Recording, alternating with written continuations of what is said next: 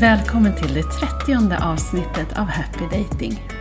Jag heter Linnea Molander och jobbar som datingcoach. Och I den här podden får du följa med in i mitt coachingrum och lyssna när jag hjälper singlar att reda ut sina datingproblem.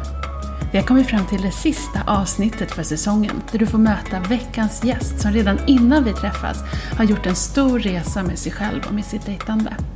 Både hon själv och du som lyssnar kommer under den här coachingsessionen få klarhet i hur mycket som faktiskt kan skifta när du en gång för alla tar itu med dina datingproblem. Det blir ett samtal om att landa i insikten att du faktiskt får lov att vara du. Om kraften i att tolka det som händer på nya sätt.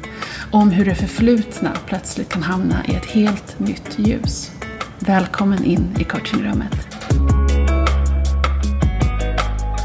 Mitt mönster har varit nästan inget dejtande alls de senaste sex åren. Eh, och de dejterna som har varit har varit helt fel typer av personer för mig.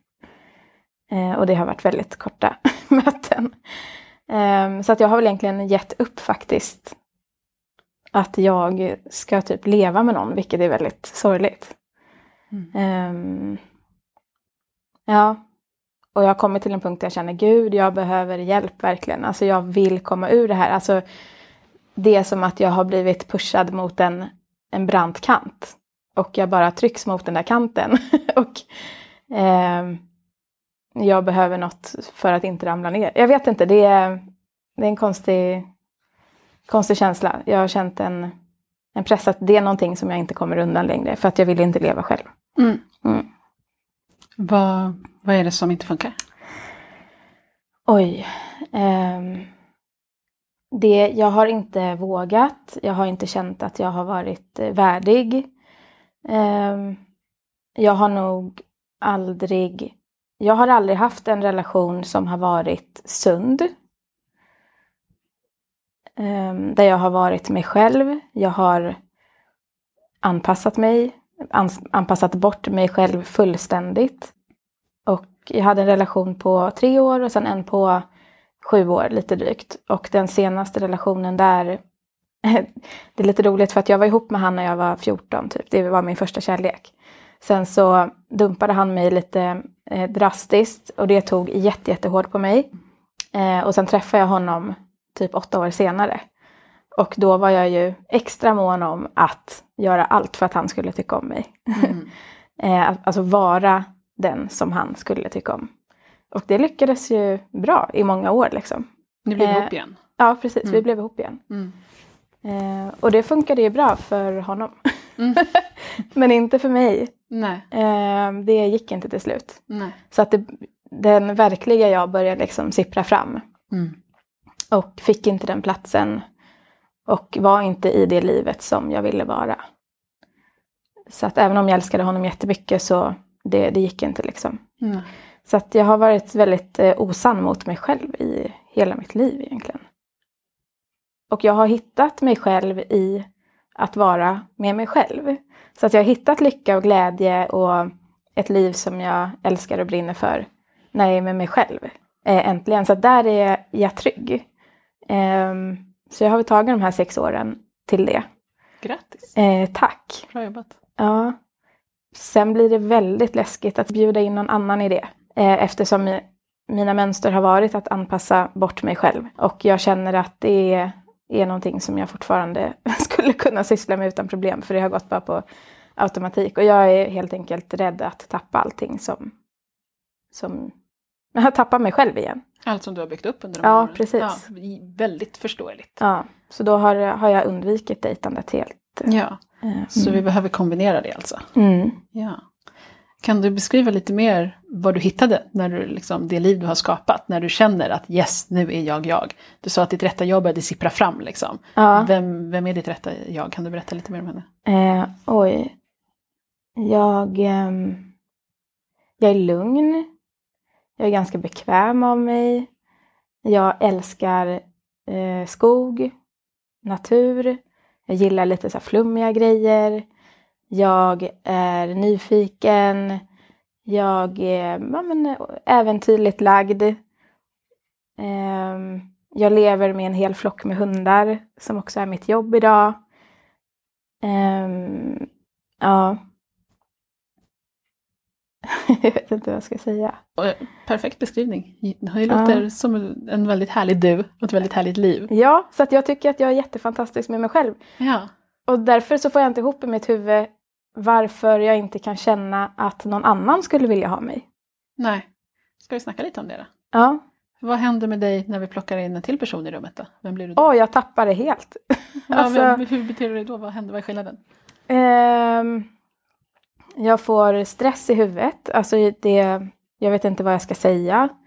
Ehm, jag, jag är nog helt inställd på att behöva vara någon för någon annan.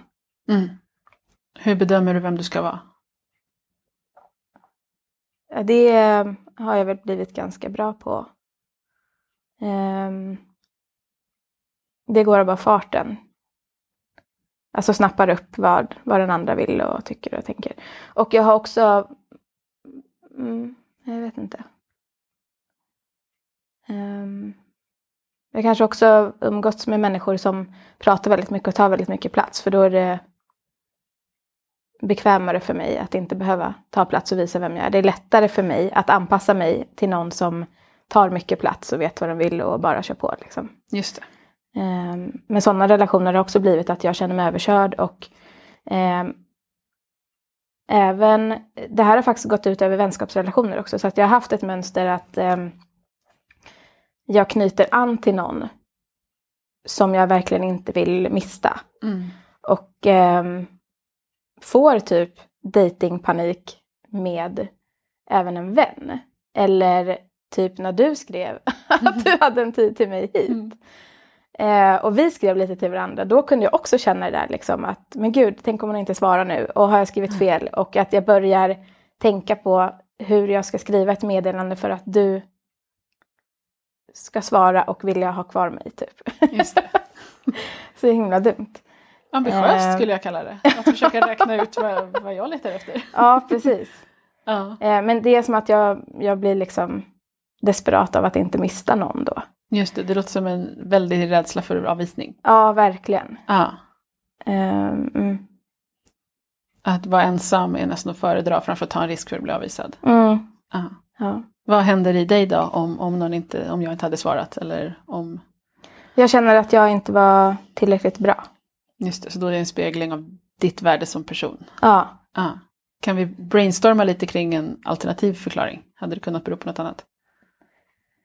Eh, jag, alltså jag har ju grottat väldigt mycket i eh, min barndom och sådär. Mm. Eh, så där finns det ju både det ena och det andra att hämta. Mm. Ehm, jag har haft ehm, vad som verkar vara en jättefin uppväxt och det var en fin uppväxt. Ehm, men det finns saker som har skadat mig där. Mm. Tyvärr. Det var verkligen brist på respekt till exempel. Mm. Ehm, jag har liksom inte känt att jag har fått vara jag. Jag vet att eh, mamma ville gärna att jag skulle ha basker och hon typ tvingade mig att dansa folkdans och jag skulle vara duktig framför allt. Ehm, så det har inte funnits det där lättsamma relationen där man möter varandra och ställer upp för varandra. Och... Just det, och där var det sant att du behövde vara på ett visst sätt för att bli omtyckt. Ja, ja, gud ja. Ja, ja, det... Ja, och så tog du med dig det ut i livet. Ja. Så att du tänker om jag inte svarar på ditt meddelande så betyder det att jag tycker du är dålig. Ja, För att det kändes som en mamma. ja, Ja. Och det är ju jätte, jättevanligt att man blandar ihop sina föräldrar med hela mänskligheten. ja, Eh, och lyckligtvis så är ju inte alla som dina föräldrar. nej, Människor är lite olika liksom. Mm. Så det är därför vi behöver hitta lite, lite alternativa förklaring. Till exempel hon glömde svara. ja, ja. Ja, För det, de, de slutsatser du drar är jätterimliga för ett barn i förhållande till föräldrar. mm, Men de blir helt orimliga för en vuxen kvinna i förhållande till någon man dejtar.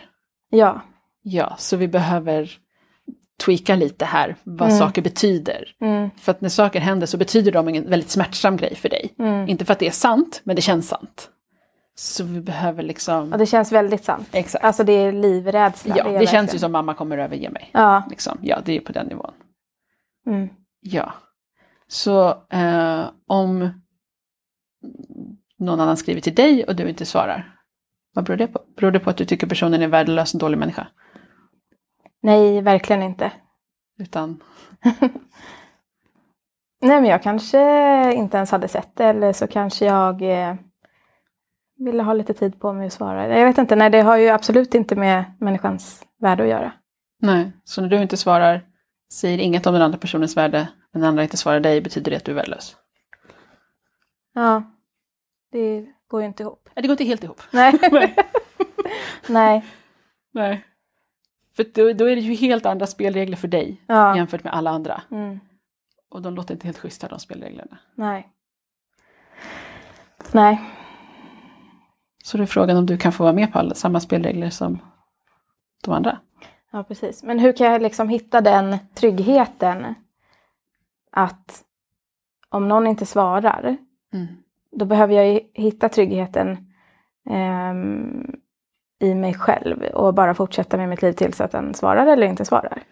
Alltså jag tror det finns ett mellansteg där i att titta på hur tolkar jag den här situationen? Känns Ja. det jättejobbigt har du tolkat den på ett sätt? Ja, Och då är frågan om, vi, om du kan sätta ord på vad, vad tror jag att det här betyder? Ja, det här betyder att jag är värdelös. Ja, klart som fan det kommer kännas helt vidrigt liksom. ja, Då frågar jag, kan det betyda någonting annat?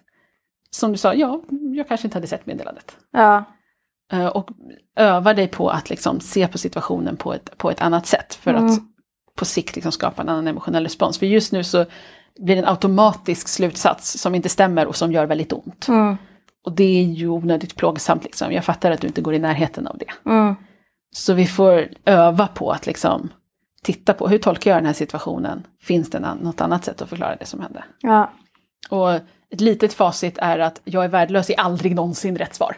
nej, Kommer du fram till det får du börja om från början. ja, ja. ja. Ja, men det är bra. Det ska jag tänka på. Testa Ja, och bara sätta ord på vad tror jag att det här betyder. ja. Mm. Mm. Sen så, eh, just nu är jag ju på en plats där jag läste din bok, eller lyssnade på din bok många gånger om och om igen de senaste månaderna. och det här har resulterat i att jag har någon slags dejt imorgon, kanske ikväll. Mm. Och jag har haft, eh, alltså vi har, vi har inte pratat i telefon men vi har skrivit. Och då för första gången så har jag känt liksom i svaren att jag har svarat, att det är jag som svarar, inte att jag skriver vad eh, han vill höra. Ja. Ehm, och många gånger har det varit så här, ah, men skitsamma, han kanske aldrig svarar igen när jag skriver så här. Men så gör han det. och så tycker han till och med att det är roligt eller trevligt.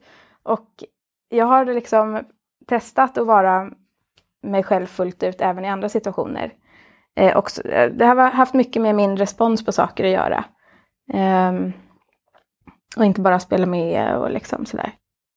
Men sen så igår så skrev han en grej. Då så skrev han, ehm, han kallar mig för ett smeknamn som en av mina absolut äldsta vänner brukar kalla mig. Och då tappade jag det för att då blev det så nära Mm. och så djupt. Ja. Så då tappade jag igen allt det här lugnet, coola och det bara kändes härligt och roligt. Ja. Och då kom allting över mig igen. Ehm, och där visste jag inte riktigt. Och då vet jag att du har sagt i boken att när man är där så ska man inte skriva, man ska inte liksom agera när man känner så som man känner. Det är svårt att vara sitt härligaste jag när man har panik. Ja, det är jättesvårt. Mm. Ehm, men då skrev jag en grej ändå och så svarade han inte och då fick jag Mm. total panik alltså. Mm. Ehm, och då, ja, jag, mm, Och nu ska inte. ni ändå gå på dejt. Så det blev lite Ja, det gick bra. Det var löste inte sig. så tokigt det jag Det var- skrev det var inte så tydligen. illa, Nej. nej. det var inte så illa. Nej. Ehm, men nu ska vi träffas, men då är det det här med hur mycket man ska öppna sig. För att jag har haft väldigt lätt alltså, att öppna mig för mycket, att bara dela allt. Mm. Ehm, väldigt fort. För Mm. att jag tror att det är det som förväntas av mig. Mm. Att jag bara ska vara som en öppen bok. Att man får inte ha integritet liksom. Ah, det är också något du fick med dig hemifrån eller? Där det Ja, respekt. ja, ja, gud ja. ja. ja. Liksom att alltid vara tillgänglig på något sätt. Mm. Alltså jag fick typ inte ha dörren stängd och liksom sådana grejer. Mm.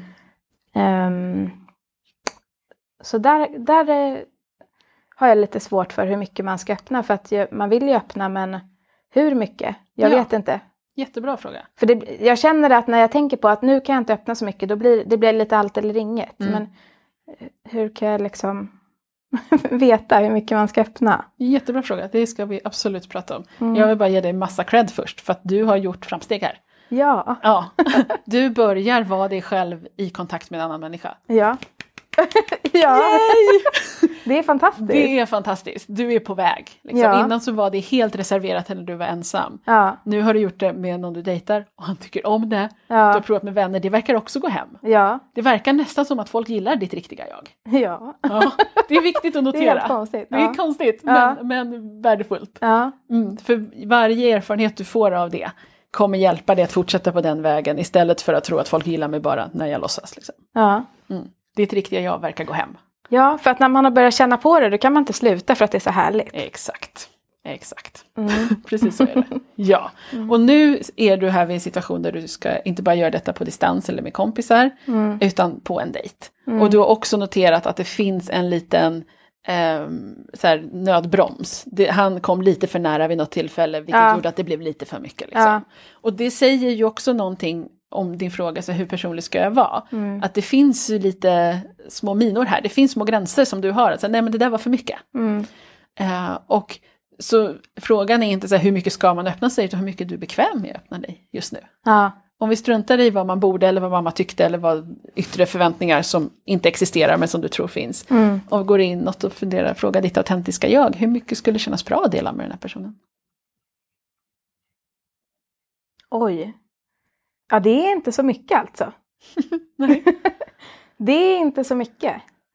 Eh, jag är egentligen ganska blyg och försiktig av mig och ehm, nu i samband med att jag lyssnade på din bok så har jag också gått igenom min barndom lite extra noga och bland annat frågat mamma, eller jag bad henne beskriva mig som barn Mm. med några ord. Och då var några ord, eh, dels var jag självständig och sådär, lite blyg, eh, men framförallt eh, att jag ville eh, titta på saker först, alltså att jag var iakttagande.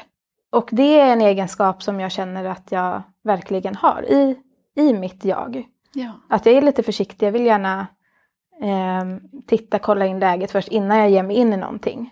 Och det, den egenskapen har jag inte tillåtit mig själv att ha innan. För att jag, då har jag känt mig kanske blyg, rädd och då har jag stressat upp mig för att våga. Mm. Och så bara babblar jag på Mm. en massa som jag egentligen inte har lust att dela.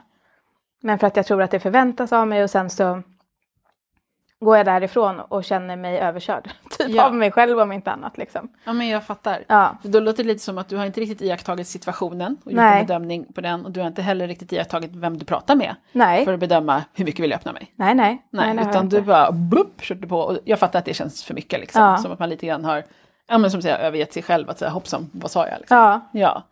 Så om vi förvaltar den här förmågan att ia- iaktta som känns väldigt autentisk eh, och kanske nästan byter ut den eller kompletterar den med ordet nyfikenhet.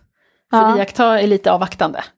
Medan nyfikenhet är, men du vill, du vill ju kolla läget bara, du vill veta att du öppnar dig i en trygg plats med en trygg person. ja, Eh, Så att inte gå in på dejten med en känsla av nu måste jag berätta allt om mig själv för annars kommer inte du gilla mig utan nu ska jag ta reda på vem du är.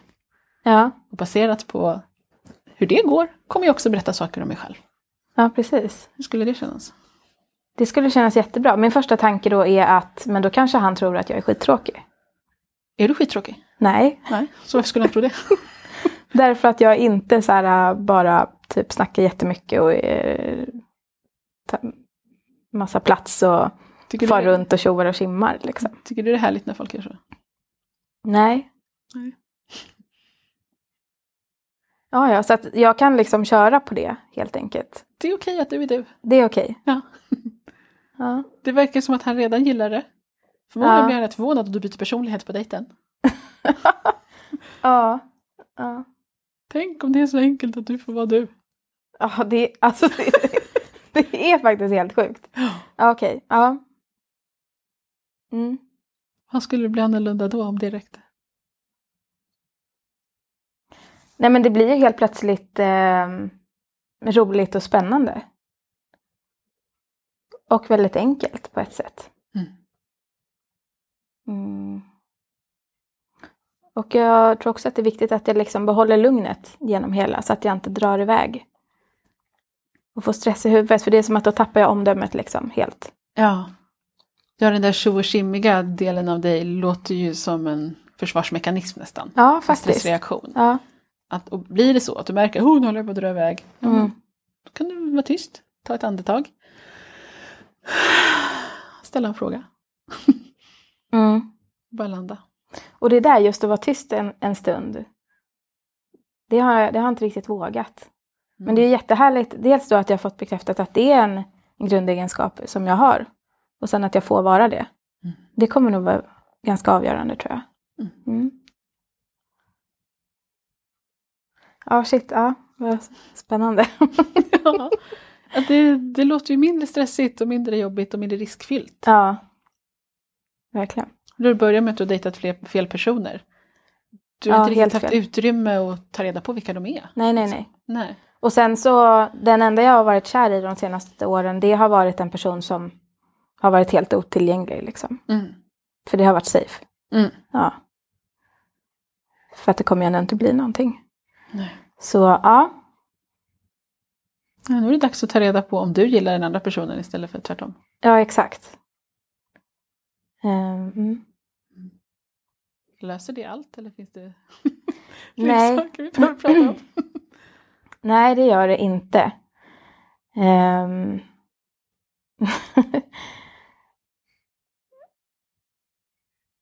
Gud, ja, nej jag vet inte.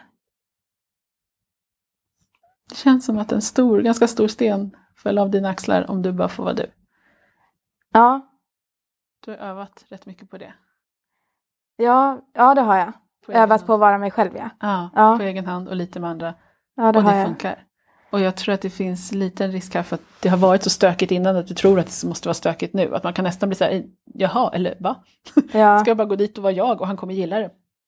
Det känns nästan som något saknas liksom. det känns jättekonstigt. Ja. Och det, det är ju bara eh, att prova det i praktiken nu. Som, jag har ju provat det med liksom, vänner och även inom familjen och sådär. Mm. Så det är ju bara ut och prova med, med en kille också. Mm. Testa det. Och antingen så fortsätter ni dejta. Det låter som att ni gillar varandra. Ja, Det kan också vara så att man inte blir ihop med alla man dejtar. Och ja då- exakt. Ja. Och det skulle jag vilja säga. Mm. För att jag tar det på så himla stort allvar också. Mm.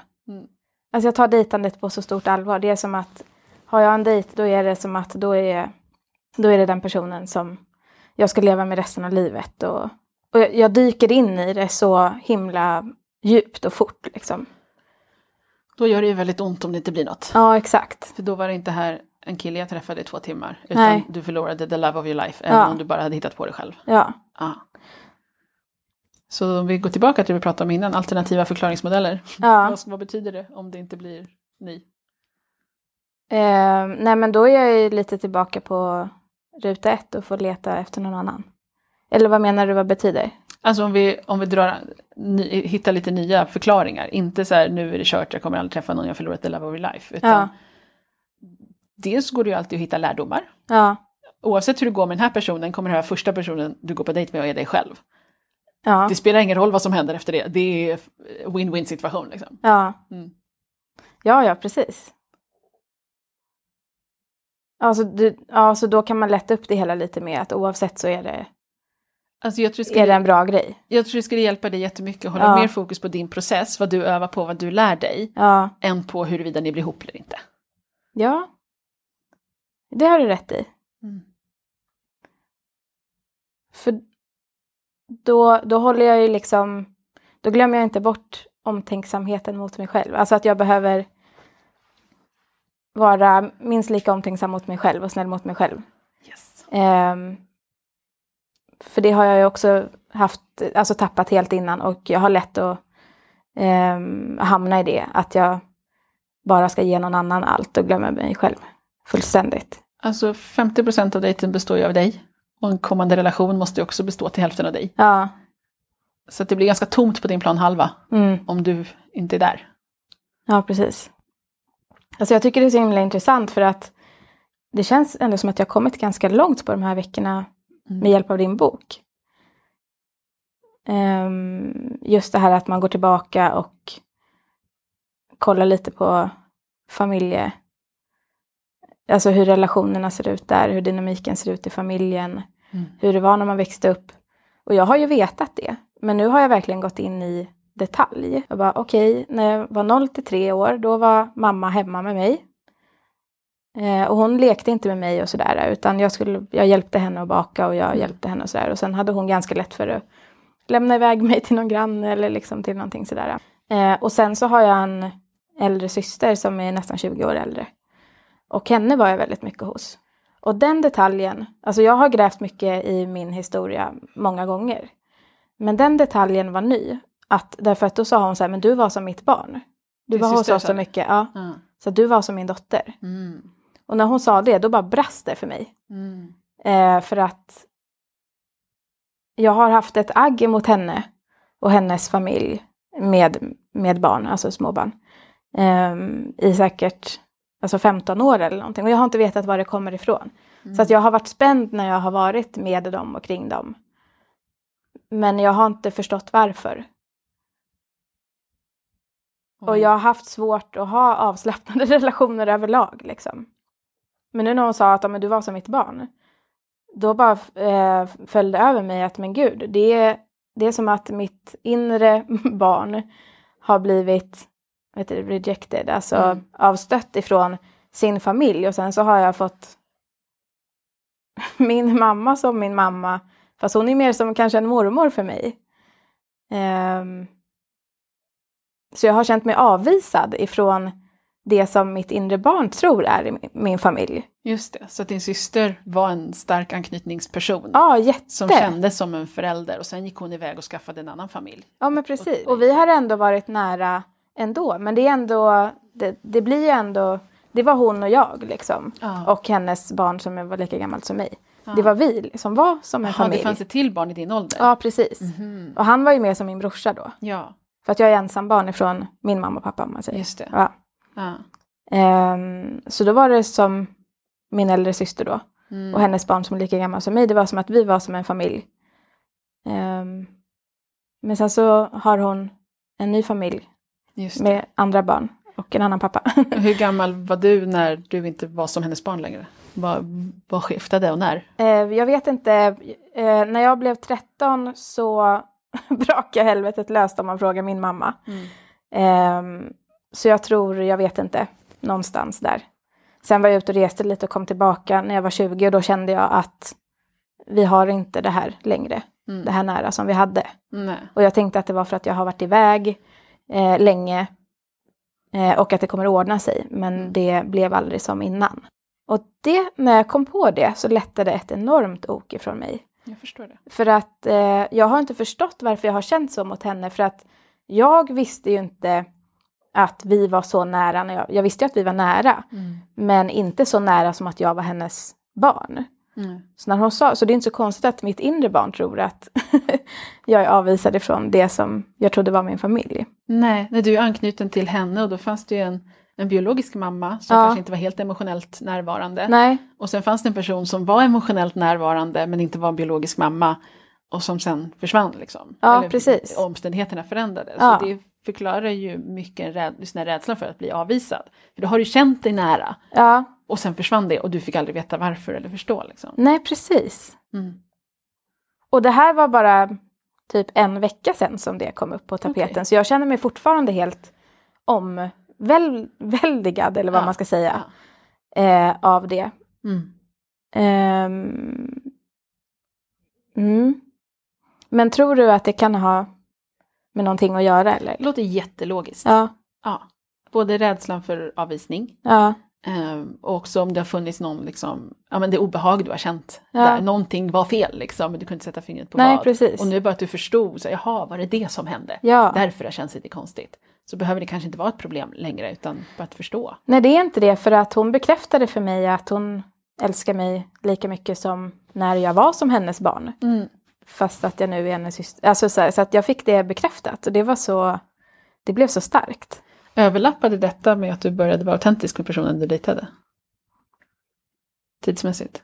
Ja, typ med två dagar efter Ja, matchade jag med honom, eller Ja. liksom började jag prata med honom. Ja. Eh, för jag fick en, en trygghet i att jag har någon... Ja, jag fick en trygghet i att jag fick de bitarna på plats. ja, du är älskad. Jag är älskad. Ehm, och mamma säger att hon älskar mig också, men jag känner inte. Nej.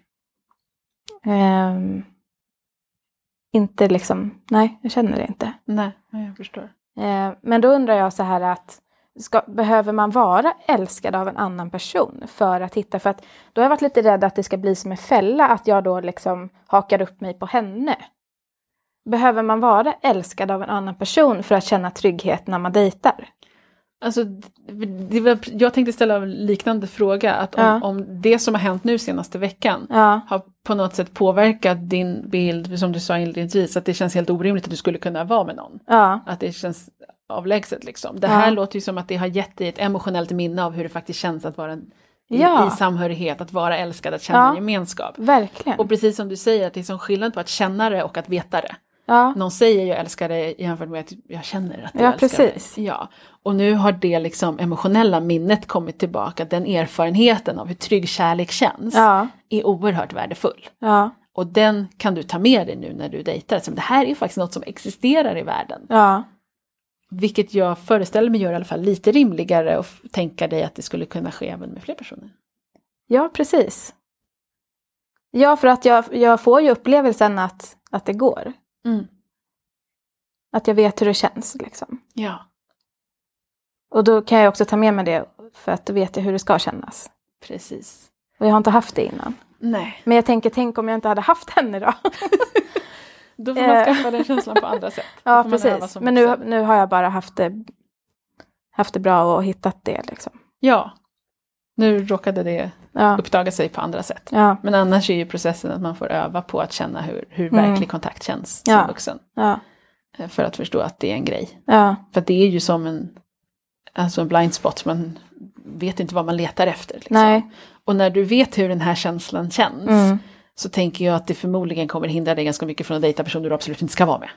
ja, Alltså, verkligen. Skillnaden är rätt stor. Liksom. Ja, verkligen. Men innan när du saknade den här sunda känslominnet Ja. så bara tog du någon. Liksom. Ja, precis. Så jag har fått ett sunt känslominne Ja, som jag kan ha som referens på något exakt. sätt. Ja, Shit vad sjukt. häftigt. Och vips så börjar du vara autentisk när du dejtar. Ja. ja. Mm. Mm. Så, att, så fortsätta att stärka mitt autentiska jag och bara vara det och bara leva det liksom. Låt fler se det. Mm. Värdet av att du är sann mot dig själv är alltid större än värdet av att någon tycker om dig. Okej, det ska jag verkligen ta med mig. Mm. Mm. Jag säger det en gång till. Ja. Värdet av att du är sann mot dig själv är alltid större än värdet av att någon tycker om dig. Och som en bonus blir det mycket lättare att tycka om dig när du är ditt autentiska själv. Ja, men vad bra. Som du börjar märka. Ja. Helt rätt människor som gillar den när man är sig själv. Helt fel människor som gillar den när man inte är sig själv. Ja. Det låter som att du är på väg. Mm. Du känns väldigt lugn. ja. Alltså det är läskigt, men det är det ju. Det är det ju. Det ska ju vara, det ska vara spännande liksom. Det här är ju första gången du dejtar på det här sättet. Mm. Och det är helt rimligt att du har avstått från att dejta innan, när allt bara känt läskigt. Mm. På ett dåligt sätt liksom. Mm. Nu är det... Nu finns ju den här nyfikenheten. Det är lite läskigt men du är också nyfiken på vad som kommer hända. Mm. Ja. Och du behöver inte hålla siktet inställt på nu ska vi bli ihop. Utan du ska bara ha en trevlig dejt. Och har du en trevlig dejt kanske du kan ha en till dejt med honom. That's it. Ja just det, det var det du sa. Ja det är väldigt viktigt att jag inte snöar in för mycket här. Nej, en dejt i taget. Ja, en dejt i taget. Det enda du behöver ta reda på imorgon är vill jag träffa den här personen en gång till. Det är allt. Ja, vill jag träffa den här personen en gång till? Ja. Ja. Igår fick jag som en förnimmelse så att gud det är som en godisaffär med alla män som finns där ute. Ja. Så har jag aldrig tänkt förut. Nej. Men den känslan bara kom och sen så försvann den. Men jag fick i alla fall känna den. Så att om det inte blir någonting här, då får jag ju bara prova en annan godis. Liksom. Ja! Exakt så, och det är ju en lite annan känsla än det du sa inledningsvis. Ja, men som jag sa till dig, jag är, jag är lite förvirrad just nu. Det är mycket som, som eh, förändras. Det, det händer mycket grejer. Ehm, men det, känns, det är härligt. Och jag vill verkligen ge dig all cred för den boken. Alltså jag orkar inte. Det har hänt så mycket med mig sedan jag började läsa den. Helt livsavgörande faktiskt.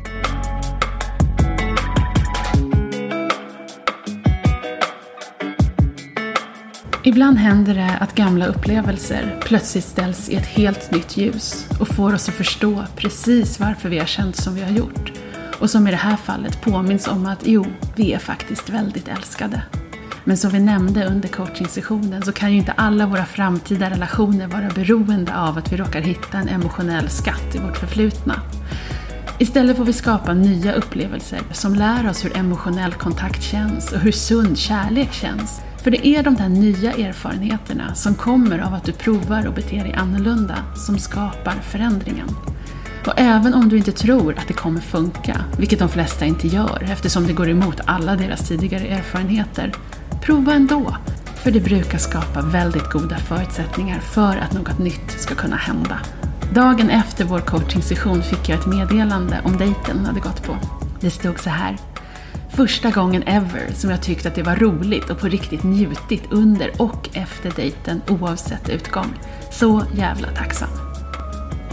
Som jag nämnde är det här det sista avsnittet för säsongen och podden tar nu en paus under några månader. Men vill du fortsätta lära dig mer om datingpsykologi under tiden så är hemsidan happydating.se fullpackad med kunskap som du kan fördjupa dig i. Där hittar du blogginlägg, artiklar, avsnitt från poddar jag har gästat, onlinekurserna, intervjuer och inte minst min bok Dating börjar med dig. Och vill du fortsätta höra ifrån mig så är mina bästa tips att följa happydating.se på Instagram såklart och prenumerera på Happy Datings nyhetsbrev. Du kan fylla i dina uppgifter längst ner på hemsidan eller gå direkt till happydating.se nyhetsbrev så kommer du få en nyskriven text om datingpsykologi från mig varje vecka. Avslutningsvis vill jag rikta ett stort tack till alla er som har följt med mig in i coachingrummet. Både bokstavligen för att bli coachade i avsnitten, men också genom att lyssna på podden och tipsa andra om att göra det. Tillsammans skapar vi förändring, så tack, tack, tack. Kom nu ihåg att dating börjar med dig. Det viktigaste av allt är att du lär känna dig själv och börjar tycka om dig själv. Andra kommer hänga på.